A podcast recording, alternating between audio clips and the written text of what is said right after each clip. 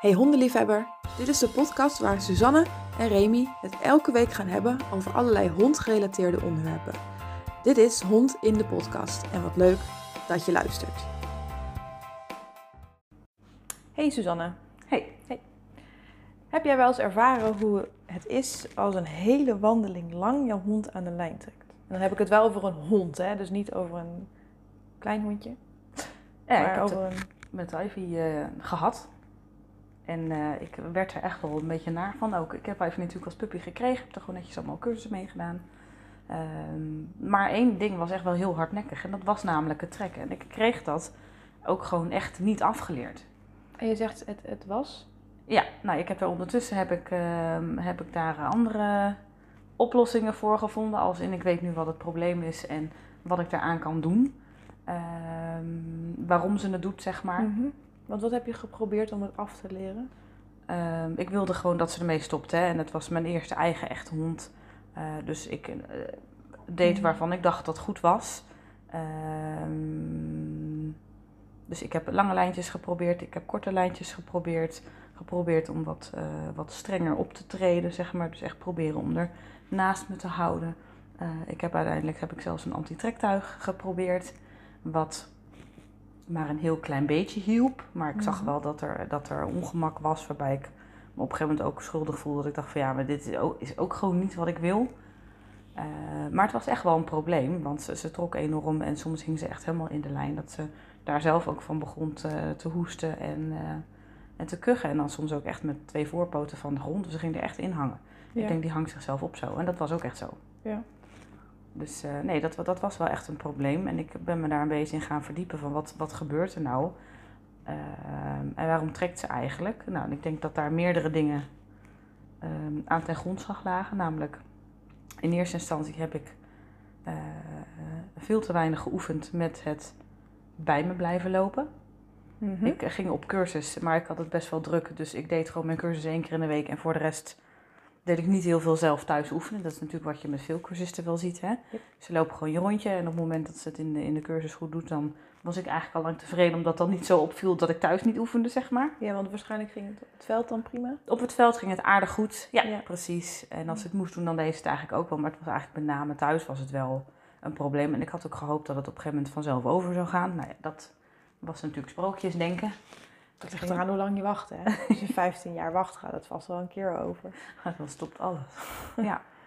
Dus, maar op een gegeven moment vond ik het wel echt een probleem worden. Ook omdat ze steeds groter werd en ouder werd. En ze steeds harder in de lijn ging hangen. Waarbij ik op een gegeven moment dacht van joh, als ik hier niet iets aan doe, dan is het, los dat het voor mij vervelend is, loop jij ook gewoon schade op. Ja. Hè, aan, je, aan je hals en aan je nek. En nou, ik heb verschillende halsbanden tuigjes geprobeerd ook. Werd het allemaal niet per se heel anders van. Eh, dus ik ben me toen een beetje in gaan verdiepen van goh, wat, wat, wat is het probleem eigenlijk en wat kan ik hier allemaal aan doen?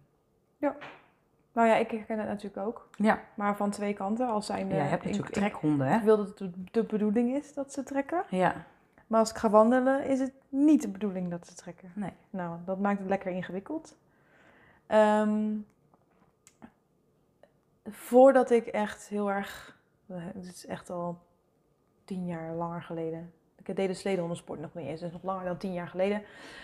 Dat ik een husky had en dat ik dat trekken dus echt vervelend vond. Maar ik Ja. had geen idee wat ik nou eigenlijk in huis had. Hè? Nee. Dus dan ook eigenlijk hetzelfde als jij eh, halties geprobeerd, dus om de neus heen. Maar dan wel aan de flexielijn, want dat is natuurlijk wel leuk dat hij dan lekker ver kon lopen. Mhm.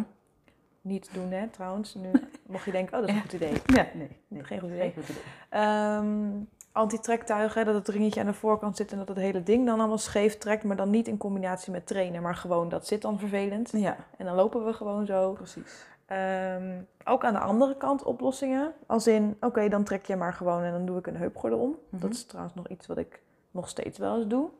Omdat een husky dat heel graag doet, trekken. Ja. Dus daar ga ik dan soms gewoon in mee. Mhm. Ehm, daarvoor, als allereerste hond, had ik een Mechelse herder. Die kon zo hard trekken aan de lijn dat ik lekker, letterlijk over mijn buik over de grond heen ging. Maar Oh. dat was dan vooral als reactie op een andere hond of op een reactie op mensen. Ja. Die had een slipketting om. Niet omdat ik bedacht had dat hij een slipketting om moest, maar omdat hij bij het asiel waar hij vandaan kwam een slipketting om had. Ja. Dus dat, Toen dacht je, dat oké. dat hoort erbij, kennelijk dat bij hoort erbij of zo. Ja, Ja. geen idee. Ook geen uitleg over hoe je die moest gebruiken. Hè? Gewoon, hier. die, die had hij om. En dat was het. Ja. Ehm, en wat jij zegt, van waar komt dat trekken dan vandaan, is echt een, een vergeten onderdeel van de oplossing. Ja. Bij pupjes is natuurlijk, speelt het natuurlijk geen rol. Als in die kan je gewoon vanaf nul leren, joh, zo doen we dat zo en anders niet. Mhm. Maar veel vaker, nou, bij mijn allereerste hond, die Mechelaar, die trok alleen maar als hij een prikkel zag. Een prikkel, mens, hond. Op het moment dat hij losliep, deed hij dat niet. Dus dat, daar zat een, ehm, een stressgerelateerde component op basis van dat wat hij zag. Ja. Mijn eerste husky, die eh, trok voornamelijk op plekken waar het heel spannend vond. Dus veel drukte, veel geurtjes. Eh, maar ook omdat hij geen uitlaatklep had. Want Mhm. ik deed de sledenhondensport nog niet. Nee. Ehm, inmiddels heb ik dan drie huskies. Ehm, ja, ze zijn al ouder, hè? eh, 7, 10 en 12. Maar ook die weten eigenlijk wel het verschil tussen, joh, wanneer is het wel de bedoeling en wanneer niet. Ja. Maar ja, meestal, ehm, als we het even hebben over hoe leer ik dan trekken af, hebben we het eigenlijk niet eens over afleren, als wij dat gaan doen. En is het zo dat je moet, eerst moet onderzoeken dus waar dat vandaan komt, maar dat Mhm. is heel erg moeilijk. Ja. Dus we kunnen wel even zeggen wat het zou kunnen zijn, maar laten we vooral richting de stukje training gaan. Ja. Dus wat het zou kunnen zijn, is natuurlijk dan een eh, spanningsreactie. Nou, mijn Jana heeft dat heel erg. Dat zal waarschijnlijk ook geweest zijn wat Ivy heeft gehad. Absoluut. Ehm, en dan zie je dat het voornamelijk naar boven komt op plekken waar ze dat wat ze spannend vinden tegen gaan komen. Mhm. Bij mij is het dus erger als ik uit mijn huis vertrek en gewoon door de wijk heen moet om tussen de weilanden te komen. Ja. Want daar kom ik mensen en honden tegen. Precies. En daar moeten ze zich ook op enige manier inhouden. Ja. Het ziet er natuurlijk niet uit als ik met drie huskies gesleurd over straat ga. In het bos ziet niemand dat. Heel flauw, maar dat speelt ook mee. Ja. Ehm, dus mijn ehm, oplossing is daarvoor eh, één op één trainen. En dan gaat het gewoon alleen maar over... we gaan nu even lekker iets leuks doen in mijn voortuin... of in mijn straat of in het dorp. Mhm. Dus dan is het doel niet gaan wandelen, maar het doel is oefenen. En dan zie je ook meteen dat er eigenlijk geen druk meer op ligt, Nee. omdat ik alle tijd heb om het trekken te oefenen. Heb ik daar geen tijd voor, pak ik de auto en rij ik desnoods gewoon alleen mijn dorp uit, maar het liefst nog naar het bos. Ja, precies. Want daar heeft ze die associatie met, oh jee, ik ga mensen tegenkomen. Nou, mensen is niet zo erg. Ik ga honden tegenkomen, ik ga honden zien. Een heel stuk minder. Maar wat Jana dan weer tegen zich heeft werken, is een stukje prooidrift. Dus als zij iets van een konijn ruikt, of een ree, of een egel, of wat ook, gaat ze weer meer trekken. Mhm. Maar dat zit dan weer in een andere motivatie. Ja. Ik heb een compromis met mijn honden. Ehm, dat, eh, nou ja, als ze een sledenhondentuig aan hebben, dan mogen ze helemaal gaan en zo hard als ze willen. Ik heb een wandeltuig, dan mogen ze ook trekken, maar dan heb ik het over lijntjes span- op spanning. Mhm. Wat Jana nog wel eens wil doen, dat ze wat jij zegt echt in het tuig gaat hangen. Dus dat ze op de achterpoten gaat springen Ja. om dan harder naar voren te komen. Dan stop ik met lopen en dan zeg ik, hallo, weet je nog even wat we hadden afgesproken? Dit gaan we niet doen. Soms werkt dat, soms werkt dat niet. En dan heeft dat dus ermee te maken dat er of een andere hond langs is geweest... of omdat ze iets heeft geroken. Dus een van die twee motivaties waarom Jana harder gaat trekken. Ja. Buiten dat we de sport doen. En dan werkt een handje voerstrooien en haar aan snuffelen brengen... werkt heel goed. Ja. Dat kalmeert namelijk heel erg. Moet ik het niet op het geurtje strooien waar ze net Hm, wild van werd. Hè? Ik bedoel, dat werkt me dan weer tegen. Wat soms ook werkt, is haar haar gang laten gaan. En daarmee bedoel ik niet, ga maar achter die ree aan. Maar als zij een konijnengat heeft gevonden ergens. ehm, en ik weet eigenlijk altijd wel zeker dat die toch leeg zijn. Want ze eerst loopt ze er dan overheen en dan stampt ze gewoon door die struiken heen. En dan ruikt ze wat en dan gaat ze terug. Oh ja. Weet je wel, dus dat, dat, dat diertje is al lang weg. Laat ik haar dat gewoon uitgraven. Ja. Joh, probeer maar of je het te pakken krijgt. En soms duurt dat maar heel even, soms duurt het wat langer. En dan zie je op een gegeven moment ook, oh, oké, ik ben klaar. En dan is de behoefte voldaan. En dan wordt Ja. ze daarna ook echt een heel stuk rustiger. Ja. Dat is leuk. Maar dat kan niet altijd. Want ik kan niet voor haar een gat uitzoeken. dat, dat moet er wel eentje zijn waar die, die, Waar ze de- die geur aan zit. Ja, ja. Ehm, en aan de halsband hebben we afgesproken, dan trekken we niet. Ja. Niet dat zij zich per se altijd aan die afspraak houdt. Maar daar ben ik wel echt een stuk Nou ja, strenger weet je, het is fijn dat je daarin consequent kan zijn, zodat hè, Ik ben daar een stuk dat het strenger niet op. verwarrender is. Dat betekent ook dat als ze dus niet trekt, dat dat veel beloningen oplevert. Precies. Want ik weet dat ze dat moeilijk vindt. Nee, dat, eh, Ehm, Balto heeft dat trucje inmiddels door. Die houdt heel erg van eten. Jana heeft dat een heel stuk minder. mhm. Balto is mijn eh, grootste reu. Daarmee heb ik ook heel fanatiek getraind op het bij mij in de buurt lopen, lo- noem ik het eigenlijk altijd. Dus niet het afleren van trekken, maar het gewoon in de buurt lopen. Ja. Want het was gewoon niet grappig als hij trekt. Het is nog steeds niet grappig. Is super fijn in de sledenhondensport. Want ik voelde gewoon in mijn materiaal, oh Balto is gaan werken. En we gaan vooruit. Ja, Maar met wandelen wil je dat niet voelen. nee, precies. Ehm, dus daar heb ik het heel hard op ingezet. Hielp heel erg dat hij van eten hield. Op het moment dat ik de lijn aan de halsband klik, loopt hij al naast me. Ja, Het is zelfs zo dat als hij soms losloopt, loopt hij naast me. Want ja, daar krijgt hij koekjes voor. Ehm, met een langere lijn mag hij gewoon lekker snuffelen. En op het moment dat hetzelfde ervaart als eh, bij Jana, dus dat hij wat harder gaat lopen, zit het bij hem ook in een stukje, hé, hey, ik heb wat geroken. Ehm, hij heeft het niet dat hij reageert op andere honden of mensen, maar bij hem zit het inderdaad ook in stukje prooidrift. Ja. Ehm,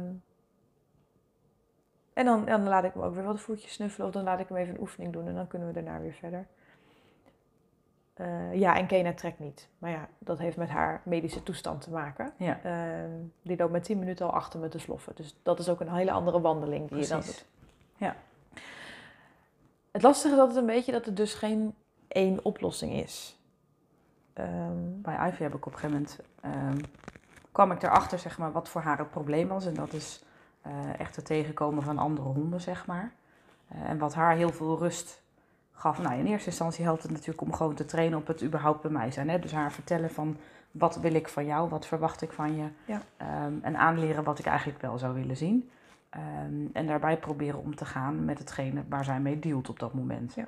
Ehm, dus op het moment dat we andere honden tegen dreigen te komen, nou in eerste instantie helpt het om, ehm, om haar aan een iets langere lijn te houden, zodat ze zich minder opgesloten voelt. Dat ze meer de vrijheid voelt om zelf keuzes te kunnen maken. mhm. Dat heeft voor haar geholpen. Eh, en als het echt heel lastig is eh, en anderen zijn plotseling in de buurt, ehm, dan moet ik haar gewoon afleiden met voer. Ja. Eh, en En- dat is hetgene en dat- wat voor haar helpt. En dat is ook helemaal prima, hè? Ja. Dat is ook wel eens vaak, ja, maar ik ben hem nu aan het afleiden, ik ben hem Ja. nu aan het lokken. En dan weet ik zo, ja, Maakt wel dat zij op dat moment niet uitvalt. En op het Ja. moment dat zij niet uitvalt naar andere honden, dan wordt het lontje steeds een beetje langer. Ja. Terwijl elke keer dat zij wel uitvalt naar andere honden, wordt het lontje steeds een beetje korter. Waardoor ze sneller gaat reageren en heftiger reageert. Dus ehm, weet je, het probleem zit bij haar best wel diep. En ik krijg dat er niet echt uit, maar ik moet er gewoon... eh, ik moet het managen, zeg maar. helpen. En op deze manier ehm Laten lukt we dat even prima.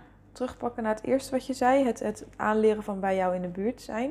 Er zijn natuurlijk, natuurlijk heel veel verschillende manieren van het aanleren van hen niet, niet trekken. Ja. Ehm, stil blijven staan als je hond wel trekt en pas weer lopen als de lijn slap is, is er bijvoorbeeld één van. Dat is er echt één, die moet je eigenlijk consequent doen. En heel vaak en lang, als in duur, wil dat echt een- een- iets gaan brengen. En dat is in de praktijk niet echt haalbaar, hè? Want je nee, gaat want als jouw hond je echt hond moet uitlaten. plassen, dan ga jij wel met hem mee achter dat struik, naar dat struikje toe. En als jij je hond wil laten plassen omdat jij naar je werk moet en je hebt maar 10 minuten of een kwartiertje, Ja. dan heb je geen tijd om daar een half uur te gaan staan wachten. Ehm, dus dat maakt wel dat het, dat, dat speelt Dat echt wel echt mee. wel Als je dan moeilijk, niet kunt uitvoeren wat je, wat je graag wil uitvoeren, ehm, doe je eigenlijk de training die je ervoor gehad hebt, doe je die te niet. Dus er zit dan nog weer een alternatief aan. Dus dat je op het moment dat je een, een klikker gebruikt of een markeerwoord gebruikt, dat als de hond trekt, dat je dan ook blijft staan op het moment dat hij dan de druk van de lijn afhaalt, dat je dat dan markeert. Ja. Ehm, wat er daarbij kan gebeuren, kan ook met die eerste methode ook, maar wat daarbij kan gebeuren als je dat niet met een instructeur samen doet of met iemand die met je meekijkt, dat je een soort yo-yo-hond krijgt. Ik loop naar het einde van de lijn, dan moet ik de druk eraf halen en dan krijg ik een voetje. Oké, ik loop weer naar het einde, druk eraf, voetje. Dus dat krijg je een soort knopje van eh, trekken, terug, trekken, terug. Ja. Ehm, dus waar ik, wij doen die oefening wel, maar altijd in combinatie met nabijheid belonen. Ja. Oftewel, loopt de hond dan met een slappe lijn, loopt hij naast je of op drie meter naast je, maar gewoon lekker met je mee, Mhm. beloon dat dan ook. Precies. En liever nog meer Dan alleen maar het dan terugkomen. het terugkomen. Ja. Want we kunnen honden wel leren dat betekent, als jij aan de lijn trekt, betekent dat, kom er bij een voertje halen. Dat, dat is een hele waardevolle om, om aan te leren, want dan krijg je in ieder geval geen hond die eh, in de lijn blijft hangen. Mhm. Tenzij daar dus iets is dat ze echt willen hebben. Hè? Ik bedoel, dat is natuurlijk een ander verhaal. Want hij weet, oh, ik voel druk, ik kom eraan, want dan krijg ik wat. Precies. Dat dan de drukte voorspellen wordt van voer, zeg maar. Ja, en dat is prima als je het dus combineert met ook andere randvoorwaarden. Ja. Dan anders krijg je een hond die alleen maar denkt, oh, als ik er druk op zet. Ik ga trekken zodat ik daarna wat lekkers krijg. Dus dat moet altijd wel gecombineerd worden met het belonen van Dichtbij zijn. dichtbij in de buurt lopen. En ik zelf gebruik die lijn er eigenlijk niet bij. Hij zit er aan.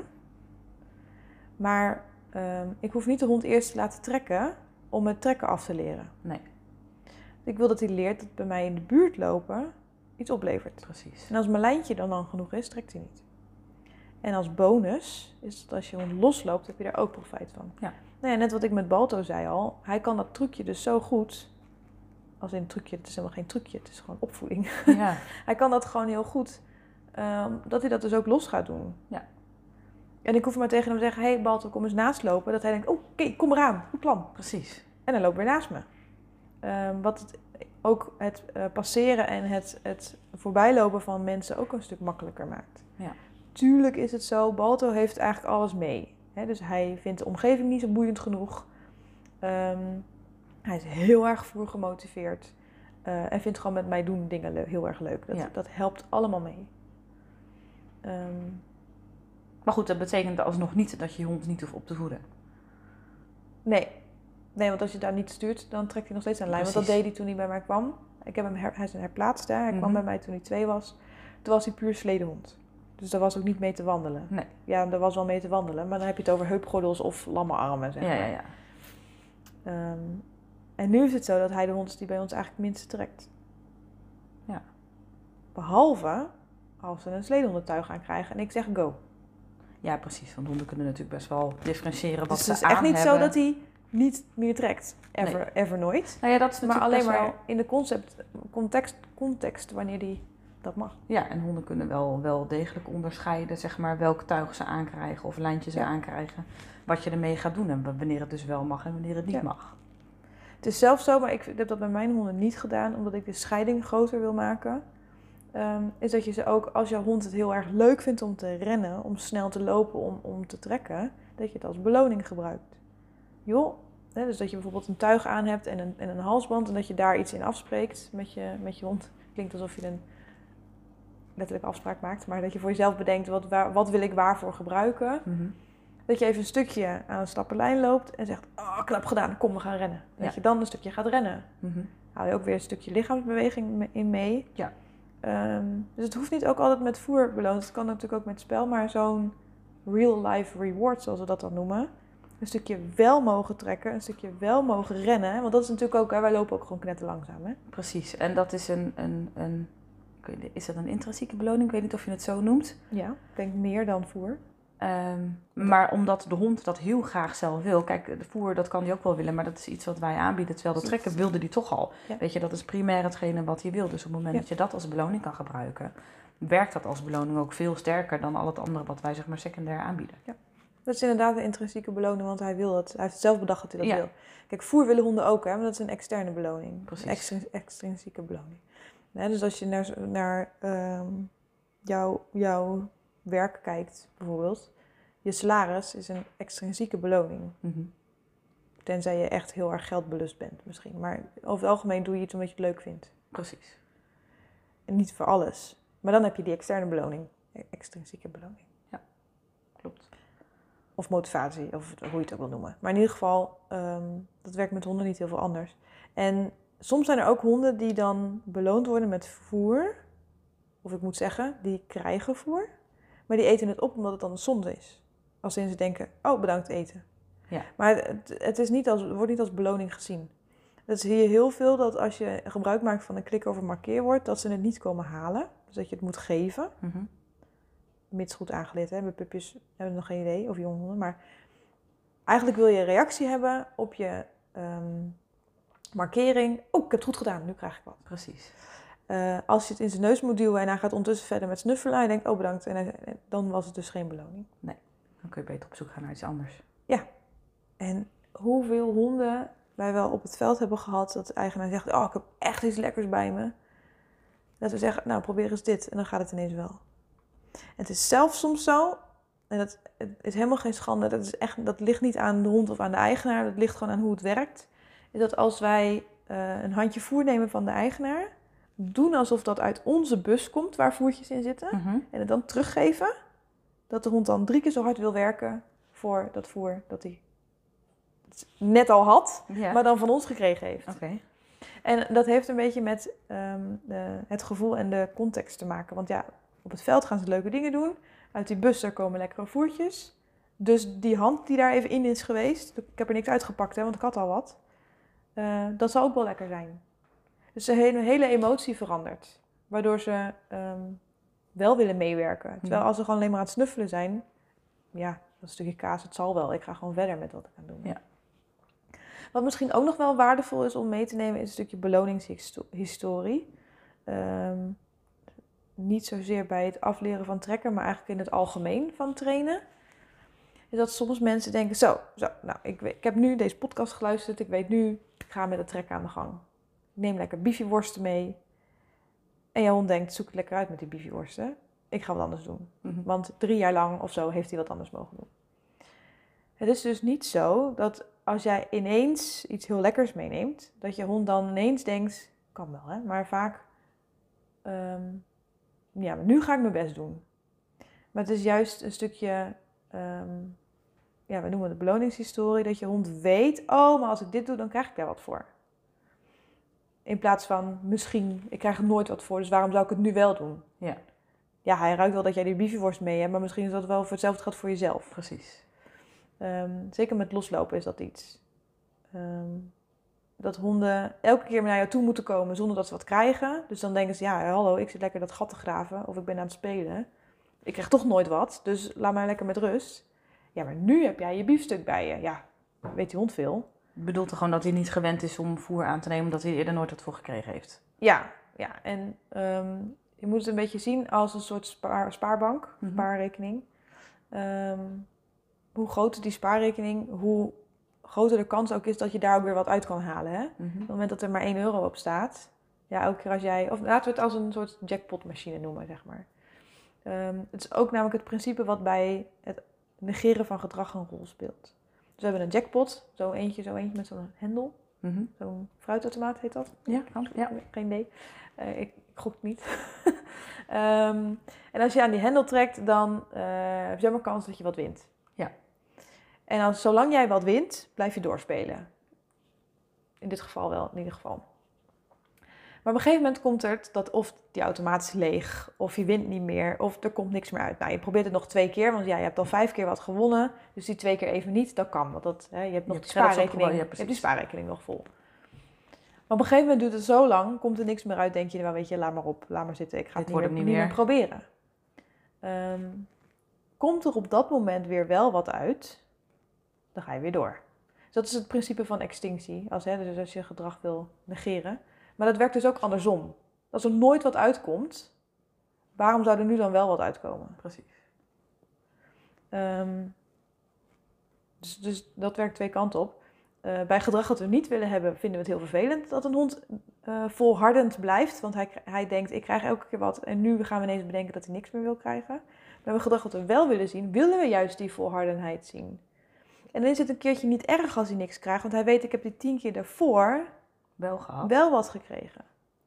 En dat is ook waarom je oefeningen, zoals het afleren van trekken, opzet en begint in situaties waarbij er succes is. Precies. Dus kleine stapjes In beginnen, je veel woonkamer, in je achtertuin, in je straat. En dat dan eerst een week of twee gewoon alleen maar gaan doen. En dan verder op je wandelingen gewoon je oude patroon doorzetten. En niet ineens denken, joh, ik ga nu alles omgooien. Zo werkt het niet. Ehm, dus dat. En daarnaast speelt natuurlijk ook slaap. De reden waarom je hond trekt. Rust. Nou ja, en ik denk ook wel, behoeftes. wel, wel materiaal. Zeg Ja. maar, hè, als in Ja, tuigen, ja. halsbanden, lijn- maar ook flexielijnen, dat Ja, soort dingen. Flexielijn, ik vind het eh, ik ben niet anti, want ik vind ze heel fijn voor honden die gewoon lekker meelopen, reageren op je stem. Als een hond het Ehm, lastig heeft, kijk, mijn flexielijn is natuurlijk wat er gebeurt, is dat die lijn continu op spanning Ja. staat. En dat het dus loont Ja. Om te trekken, omdat je daarmee eh, gewoon verder komt. Dat is hoe die lijn gewoon werkt.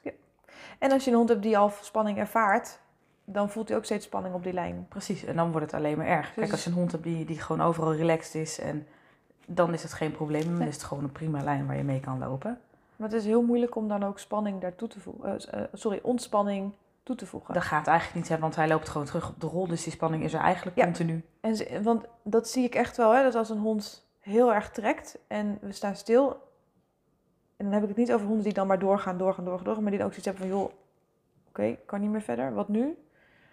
En jij staat zelf even zo, ah, even zo, even zuchten. Dan krijg je vaak dat de hond dan naar je kijkt. Van, hé, oh, oké, blijkbaar lijnslap, blijkbaar Mhm. zuchtje. Er is blijkbaar een vorm van ontspanning, daar worden honden ook rustiger van. Wat ik meteen als we het over middelen, spullen hebben, wil ik eventjes een mythe aan, eh, aan Snijden. snijden. Ja. Dat ehm, tuigen ervoor zorgen dat honden harder trekken. Dat is iets dat, dat bij de populaire Instagram eh, hondentrainers komt dat heel veel voorbij. Waarom heb je een tuig? Je hebt toch geen stedenhond? Ik zeg dan, eh, heb ik wel, maar dat is een ander verhaal. Ehm, want een tuig zelf doet natuurlijk niks, hè?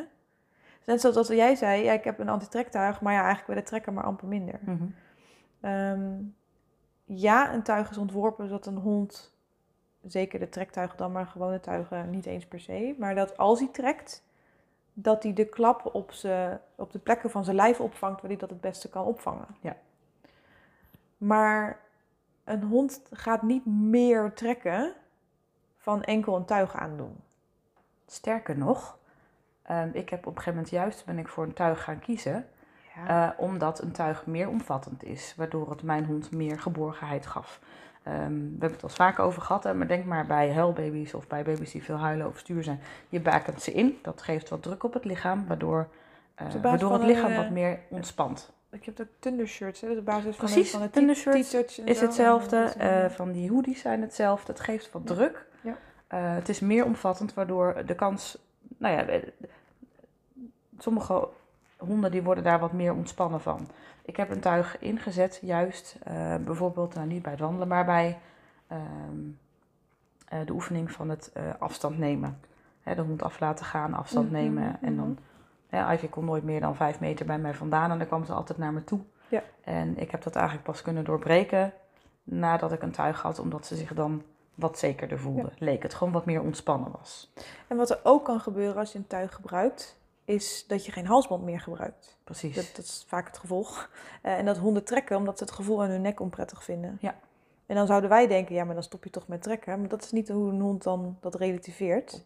Nee. Ehm, Als ze een ongemak ervaart, willen ze weg. En weggaan is in het algemeen trekken. ja, dus, dus het eh, ehm, gevoel van onprettigheid vers- versterkt eigenlijk alleen maar het trekken. Terwijl op het Ja. moment dat je gewoon vrij kan bewegen, en dan hebben we het wel over goed tuig. Hè? Ik bedoel, er zijn nogal wat tuigen op deze. Echt allerlei tuigen met, met banden ervoor langs die de schouderbeweging beperken. Ja, laten we even samenvatten, nou, samenvatten naar neem een eituig. Dus dat als je van de, voor, naar de voorkant naar je hond kijkt, dat je het letter ei ziet. Ehm, Loopt dwars tussen de poten door over het borst heen en, En dan, dan- langs de hals omhoog. Ja. Zeg maar waarbij de voorpoten gewoon volledig vrij zijn om de voor-achterwaartse beweging te maken. en ehm, dat helpt ook al een hele hoop. Ja. Wat langere lijn, want als je maar een metertje hebt en je hond wil echt overal snuffelen, dan kan hij daar niet bij. Dus dan trekt hij. Dan kan er niet bij. En nee, jouw hond hoeft niet de hele wandeling in volg te lopen. Alsjeblieft niet. Het lijkt me heel naar ook Ja. voor de hond. Hey, weet je, dat je dat langs een drukke weg wil doen of omdat je iemand wat wil passeren, absoluut ben ik voor, doe ik ook. Maar daarna is het weer, oké, doe maar weer. En dan mogen ze Weet je, weer. honden hebben ook sowieso bijna nooit dezelfde snelheid van lopen als dat de mensen hebben. Nee. Dus als de hond zich continu alleen maar moet aanpassen, dat is heel naar en lichamelijk ook niet gezond. Tenzij het echt als sport gaat opbouwen, maar dat doen de meeste mensen niet. Nee, maar dan heb je inderdaad gewoon een vorm van training nodig. Echt Ja. fysieke training, spierkrachttraining, dat soort dingen. Ehm, Maar goed, de andere, de andere kant kan natuurlijk ook. Hè? Als je een, een tuig gebruikt in de veronderstelling dat dat het beste is voor je hond. Eh, er zijn ook wel honden die een tuig gewoon helemaal niet prettig vinden. Waarbij je gewoon wel een halsband Ja. eh, het beste kunt gebruiken. Kijk, en in principe maakt het natuurlijk niks uit. Hè? Kijk, als jouw hond niet trekt, gewoon nooit. Ja, hey, uh, kan je er een sliplijn omheen gooien. In de ideale situatie gebruik je natuurlijk een, uh, dun een halsband en een, en een eh, truig, een lijn, wat ook. Gewoon alleen maar voor de veiligheid dat je hond niet eh, Ja. weg kan en dat hem niks overkomt. Ja. Hè, maar het, het is niet bedoeld om hem naar je terug te, te slepen of eh, Ja. naar je toe te halen, te takelen.